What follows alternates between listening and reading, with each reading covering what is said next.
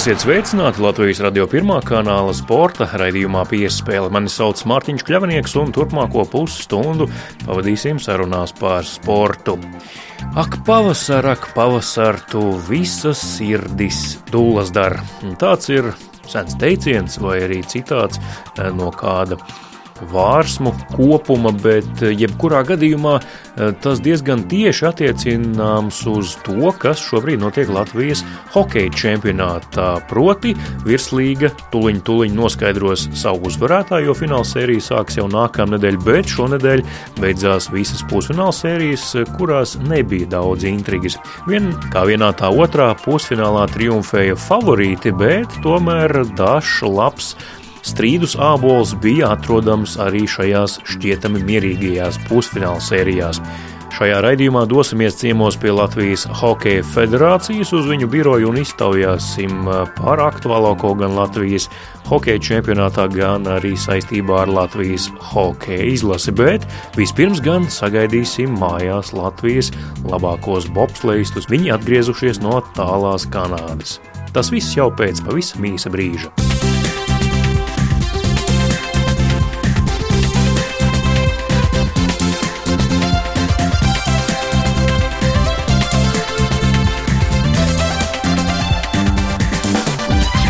Bieži vien par Latvijas lepnumu mēdz dēvēt Latvijas bobsleja izlases pārstāvjus, gan pilotus, gan stūmējus, jo viņi gandrīz vai ik nedēļas nogali, kad notiek pasaules kausa, Eiropas čempionāta vai pasaules čempionāta sacīkstes, priecē līdzjutējus ar augstvērtīgiem rezultātiem, bieži vien izcīnot arī medaļas vai vietas pirmajā sešniekā.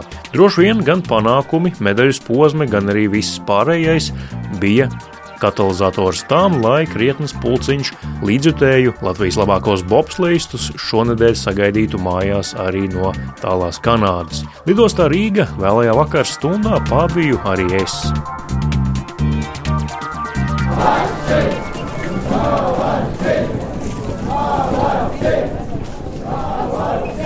Rauls Bērziņš uh, izturējis ugunskristības, ugunskristības sezonu, pasaules kausa debija. Nu, ko tu atcerēsies no šīs sezonas pēc gadiem desmit? Nē, nu, daudz ko jau atcerēsies, protams, pirmā reize Ziemeļamerikā. Diezgan svarīgi braucieni tika aizdīti priekš, teiksim, tā priekš nākotnes.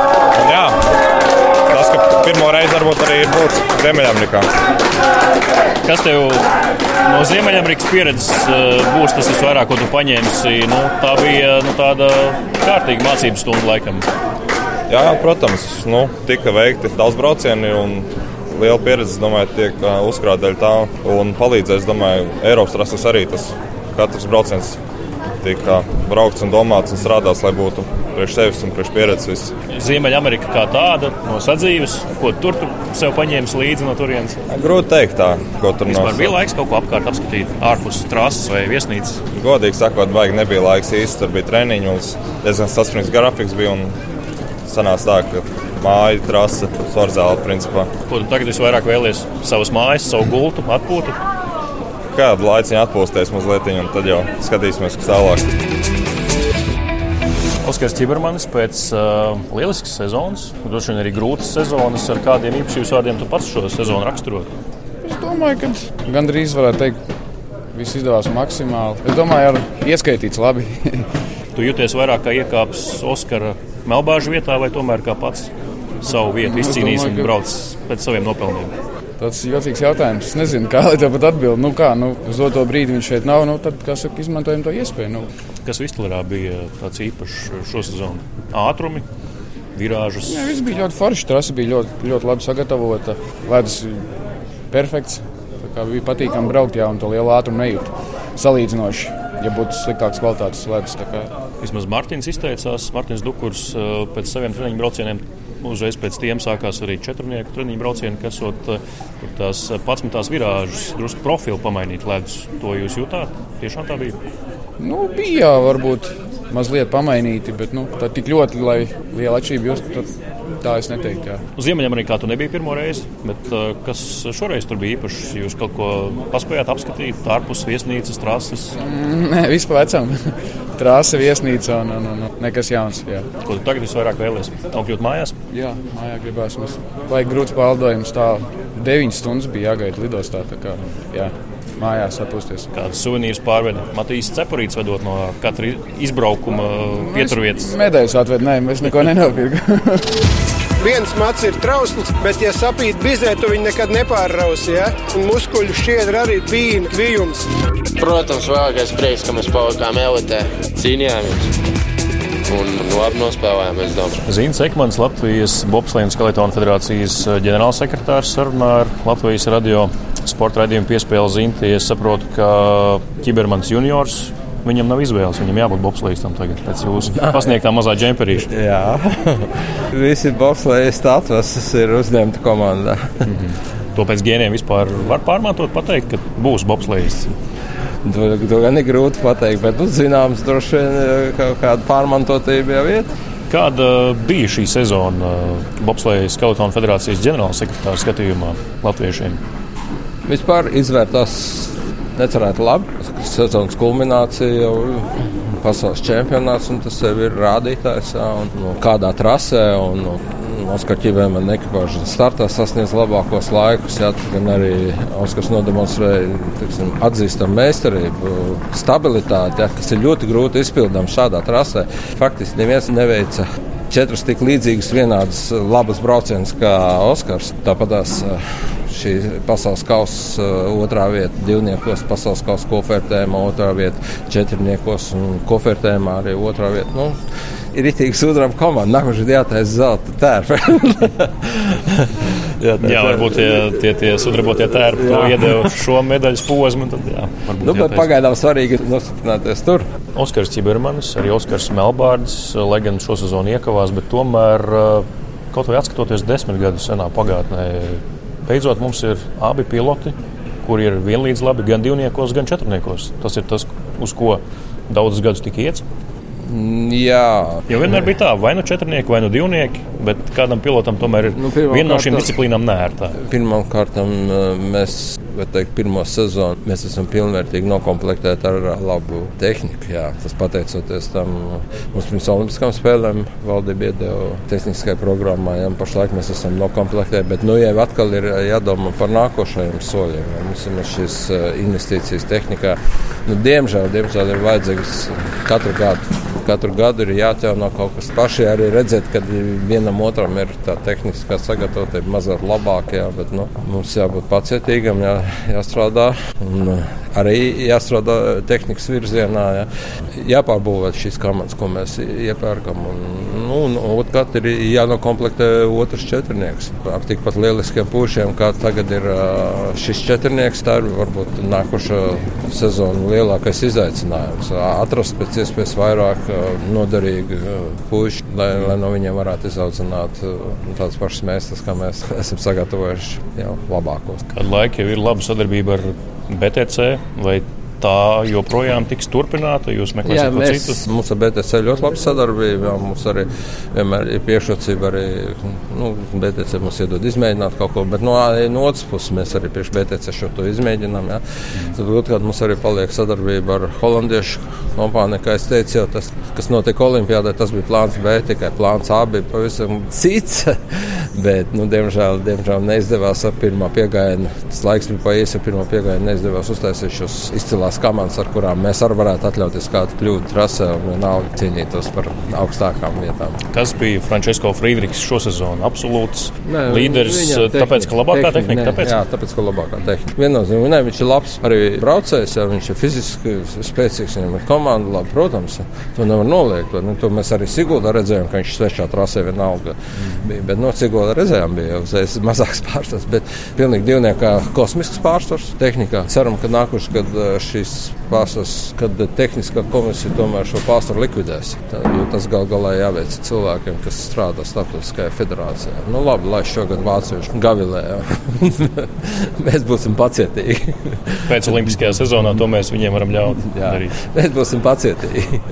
Sants Prūsis pēc Pjončānas ziemas olimpiskajām spēlēm viņš teica, ka nu, domās, kur, ko, kā, vai turpināt ar Latvijas izlasi. Jā, turpināja, labs turpinājums. Kādas ir viņa līguma attiecības šobrīd? Mums ir tāda, godīgi sakot, tāda īsta līguma nemaz nav. Ir tāda džentlmeņa norma, kas ir jau 11 gadus. ja Bet, ja viņš gribēs, tad jūs ļaus, ļausiet. Ja viņš gribēs, protams, mēs nemaz nevaram likt šķērslis. Kā jau teicu, mums nav tāda tik stingra līguma attiecības. Bet, nu, kur tad viņam labāk strādāt, kad ne ar Latvijas komandu? Lai tikai būtu mums materiāls, ar ko strādāt. Ja. Un beigās par materiālu runājot, stūmēja atlasi, jauno stūmēja atlasi. Jauno stūmēja atlasi sagaidiet vismaz kādas trīs kārtas būs. Tiks izziņot marta beigās, aprīļa vidū, aprīļa vai māja sākumā. Mums būs tuvākās nedēļās valdes sēdē, ja mēs nolemsim tos datumus, vai no aprīļa sākumā, vai vidū, vai tuvākās 40 dienās būs kāds pāris pārbaudas. Turpiniet, turpiniet aizpildīt anketas un sūtīt mums uz bolsas.cl. Mūsu anketa beidzot darbojas, kad brīdī bija tehniskas problēmas. Tas tā kā ar vidi ienākuma deklarācijām, ka liela interese tāpēc sistēma uzkarās. Vienkārši jā, uzkarās. Noteikti. Jā, nobeigumā vai tiešām tas ģenerāla plāns ir tāds, ka Oskars Melbērts minēja, ka perspektīva nu, varbūt pēc divām sezonām šie varētu būt viņa jaunie stūmējušie, kas tiek atlasīti tagad? Jā, pilnīgi varētu būt. Jā, atnāk tādi, kam ir dotības, bet arī kas ir gatavs darbam, kas ir gatavs milzīgam darbam, un tas, kā sagatavot un to lietu novest līdz tādam brīvdienas pošumu, to mēs laikam zinām. Mm. Mēs plānojam arī piedalīties Jaunatnes Olimpijādē. 3-14 gadīgi puiši un viena 14-gadīga meitene, kas jau izcīnīja 4. vietu pirmajos mačos. Ja. Tad es domāju, par meitenēm nebūs problēma kvalificēties. Nu, puiši stipri jaunāki par pārējiem. Ja. Tur, tur pārējie start, ir trīs gadu vecāki, kas startēs tenīs Olimpiskās spēlēs. Nu, nē, ar mazliet, nu, diezgan problēma finansējumā paliek, jo tiešām tas ziedojuma likums mums nospēlēja diezgan negatīvu lomu. Mm. Ar jauno valdību ir jau bijušas kādas pārunas, jau no ministri varbūt. Mēs esam bijuši tikai tādā iepazīšanās vizītē, kur mēs runājam, pārunājam par Dāngos stadionu. Tur mm. arī mēs no Dāngos stadiona plāna tikām izņemti ārā. Mums tas tāda ne, nebija paredzēts. Vajadzīga arī savs aizstāvāde, kas būtībā nebūtu liels izmaksas. Jā, vajag Rīgai viegli attīstīt manēžu vairāk. Nu tad, lai piepildās un paldies par šo sezonu. Paldies!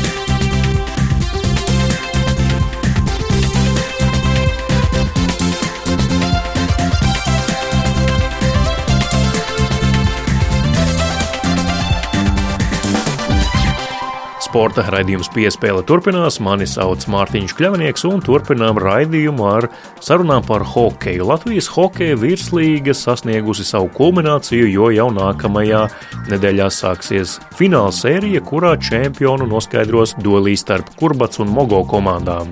Kurbats Latvijas čempionāta galveno trofeju izcīnījuši jau divus gadus pēc kārtas, bet šogad viņiem to centīsies neļaut izdarīt Mogo komanda. Tiesa, Kurbats komandas īpašnieks Andris Pikāns ir arī tas, kuram ir vislielākās pretenzijas par to, kāds ir hokeja komandas Mogo sastāvs izslēgšanas spēlēs Latvijas čempionātā. Proti, sezonu Mogo komandā sāka Rihards Marenis, to viņš turpināja Rīgas Dienāmo, rindās kontinentālajā hokeja līgā, bet pēc KHL regulārā čempionāta noslēguma februārī atgriezās Mogo rindās. Tas tika izdarīts pēc tam, kad pāreju termiņš Latvijas čempionātā jau bija beidzies. Dosimies ciemos pie Latvijas Hokeja federācijas ģenerālsekretāra Viestura Kozjola un noskaidrosim, cik leģitīmi Marenis atgriezās Mogo komandas rindās un vai citiem hokeja klubiem vispār ir pamats pretenzijām šajā jautājumā. Neiztiksim arī bez sarunām par Latvijas hokeja izlasi un tās dalību gaidāmajā pasaules čempionātā. Latvijas radio sporta raidījums piespēlē. Sveiki! Labdien! Šoreiz par aktuāliem jautājumiem Latvijas Hokeja federācijā un Latvijas hokejā.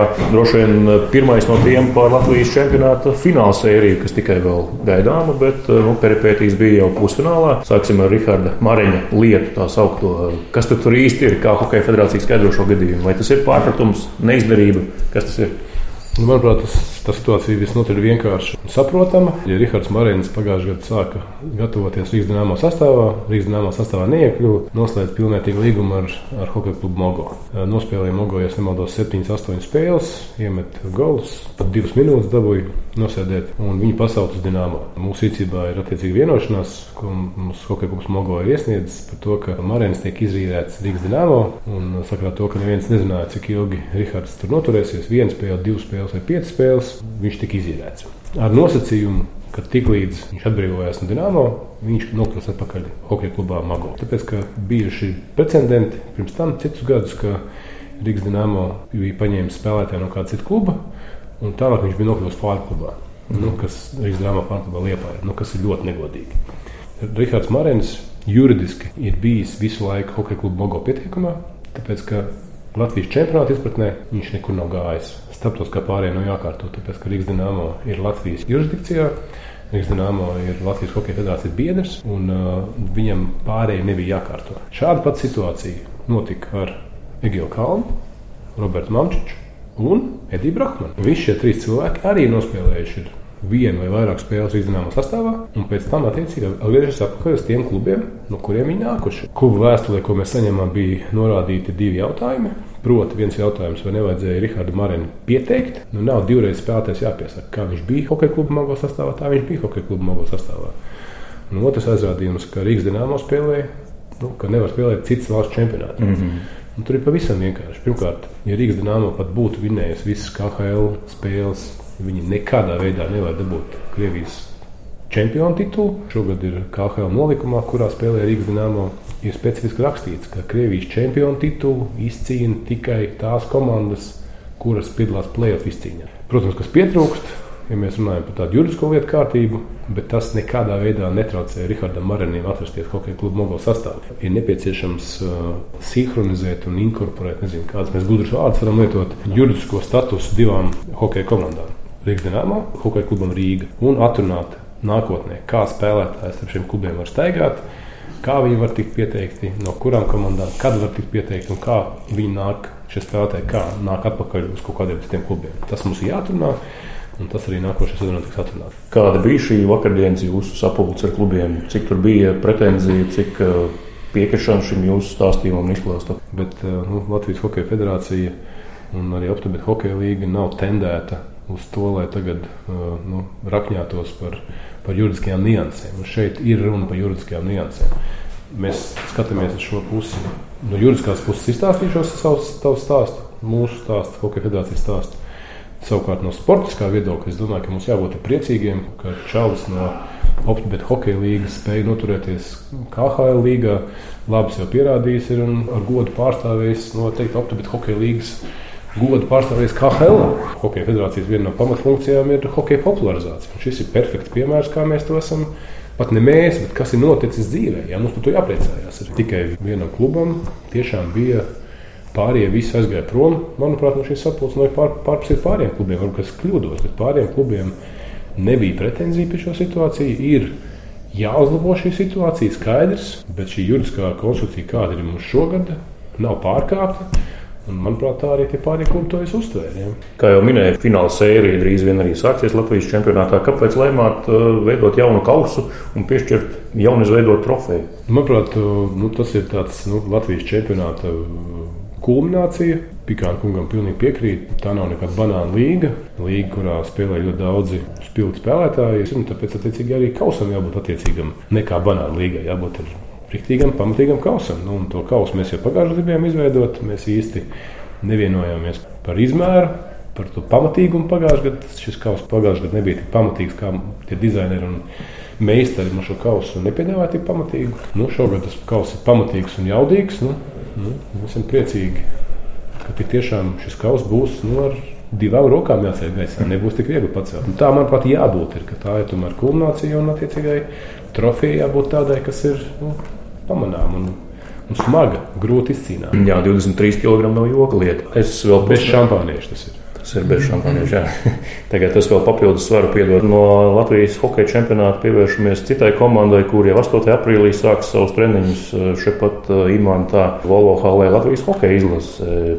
Kandidāts saraksts jau gatavs uz galda, elektroniski vai papīra formātā. Lūk, arī viestures rāda tieši. Kandidāts saraksts ir, teiksim, tas ir tāds paplašinātais saraksts. Un, uh, ko, ko es tagad daru. Es tagad ne tikai es, bet arī, nu, arī pārējie mani kolēģi. Mēs teiksim, tiekamies ar šiem spēlētājiem, runājam ar viņiem, arī treneriem palīdz. Gan Bobs Hārlīs, gan Arts Abols, gan Edgars Masais, kas mēs visi dušīgi strādājam, tagad, lai, lai, lai saprastu katra spēlētāja vēlmi, veselības stāvokli, gatavību piedalīties nometnē. Galvenais gatavību nu, pārstāvēt Latvijas izlasi pasaules čempionātā Bratislavā. Es eh, varbūt negribētu tagad šo garo sarakstu vēl publicēt, publiskot, ja, jo, jo tiešām es tikko kā pirms tam ienāca iekšā, es tikko runāju ar vēl vienu spēlētāju. Ir Jānis Kalniņš, jā, mēs tikko vienojāmies ar viņu, jā, viņam ir nepieciešams medicīniskās manipulācijas celim. Mēs vienojāmies, ka, protams, ka spēlētāja veselība mums vienmēr ir bijusi pirmajā vietā, un spēlētāju drošība un veselība. Tāpēc mēs vienojāmies ar Jānu tādu, ka viņš šodien nesaka ne jā, ne nē. Mēs zinām, to, ka viņam ir cilvēkiem nepieciešams manipulācijas. Divas, trīs, četras nedēļas tās ir laiks nepieciešams. Mēs vienojamies, ka tiklīdz Jānis sapratīs to savu veselības stāvokli, tad mēs vienosimies līdz galam. Arī pēc mēneša nav vēlu. Tā kā šādas veids pārunas notiek praktiski ar katru spēlētāju. Es gaidu, gaidu kad uh, Zemgājs uzrakstīja īziņu, gaidu, kad viņš man piezvanīs. Ja, mēs ar visiem spēlētājiem komunicējam. Tikos ar Kasparu Daugaviņu. Kā viņš kungs ir ticies arī ar Karsumu, ar Kasparu un ar uh, Mārtiņu kopā. Mēs tiešām katru spēlētāju individuāli runājam. Ir spēlētāji, kur paši piesakās, par ko man liels prieks. Krišāns Rēdlis bija viens no pirmajiem, kas pats pieteicās. Viņam bija nu, nepārāk gara sezona Ķīnā. Viņš grib startēt un piedalīties. Šodien, starp citu, ar viņu runāju. Viņš teica, ka viņš cer, ka 8. aprīlī viņš būs uz ledus. Tomēr Hokeja federācija viņu vēlmu pieņems. Es esmu pārliecināts, ka viņš būs uz ledus. Nekāda šauba nav. Nekāda šauba nav. Krišāns bija viens no tiem pirmajiem, kas pieteicās. Izlases kodols veidojās. Nu, es domāju, ka nākamnedēļas vidū beigās mēs zināsim jau tādu precīzāku sarakstu. Pieminējāt Jānis Kalniņš, ka viņš ir vārdsarga pozīcija Alveža komandai, jebkurai hokeja komandai ir vitāli svarīga.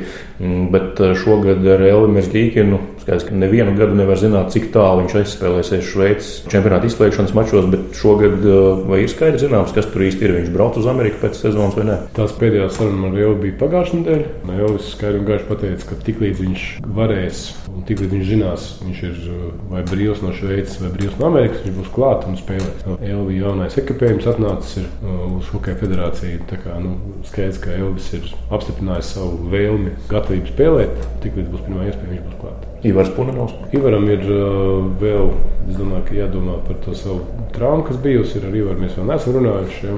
bet uh, jāgaida, kā viņam ies arī, arī Šveicē. Vēl ar Ivaru neesam runājuši. Kāda vispār būs tā stratēģija šogad? Uh, jūs arī sāksiet ar jaunajiem uh, sākumā, pirmajās dienās? Sagatavošanās posms ir ļoti īss, īsāks. Ja? Nu, ja mēs paskatāmies 8. aprīlis un 8. maija.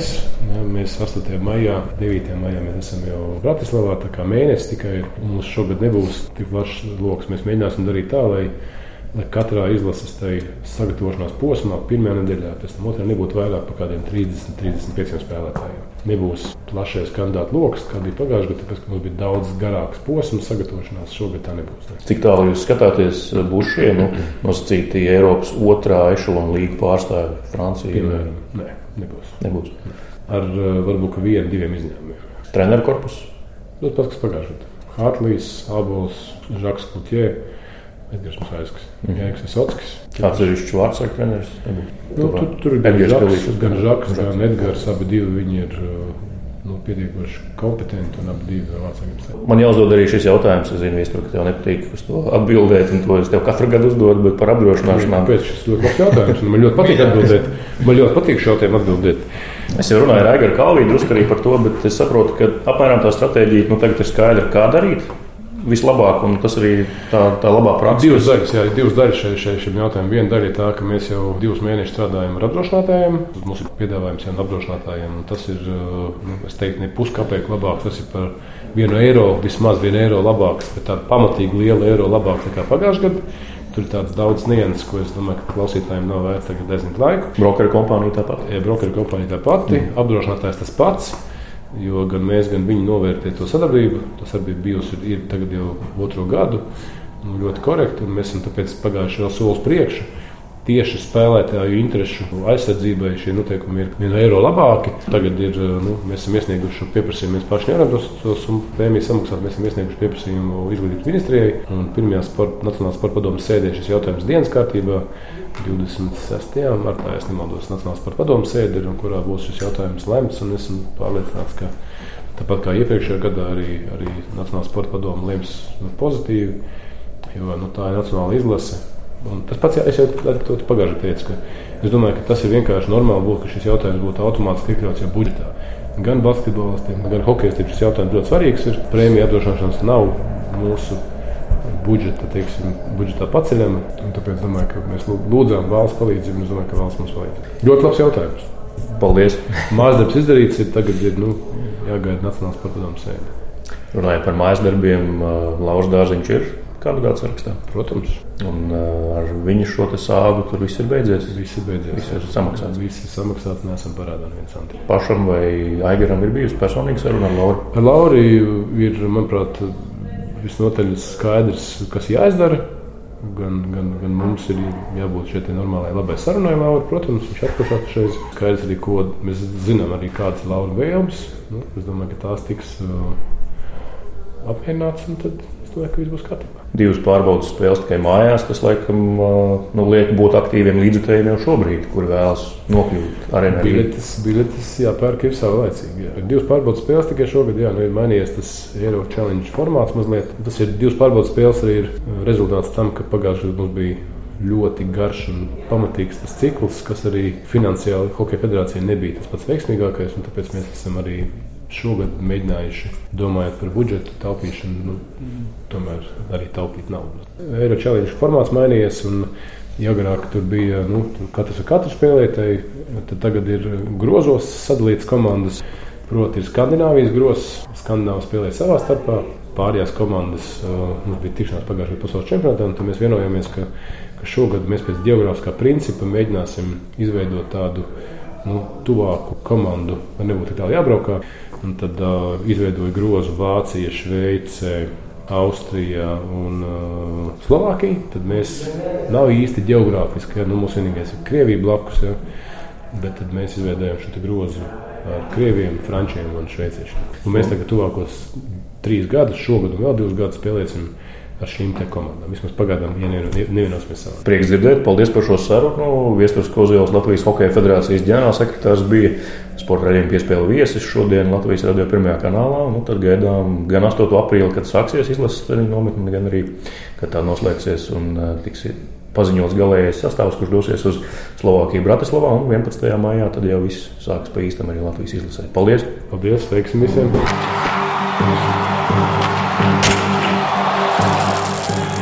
Sporta raidījums piespēle šoreiz izskan, to veidoja un vadīja Mārtiņš Kļavnieks, bet par labskaņu parūpējās Nora Mītspapa uz sadzirdēšanos.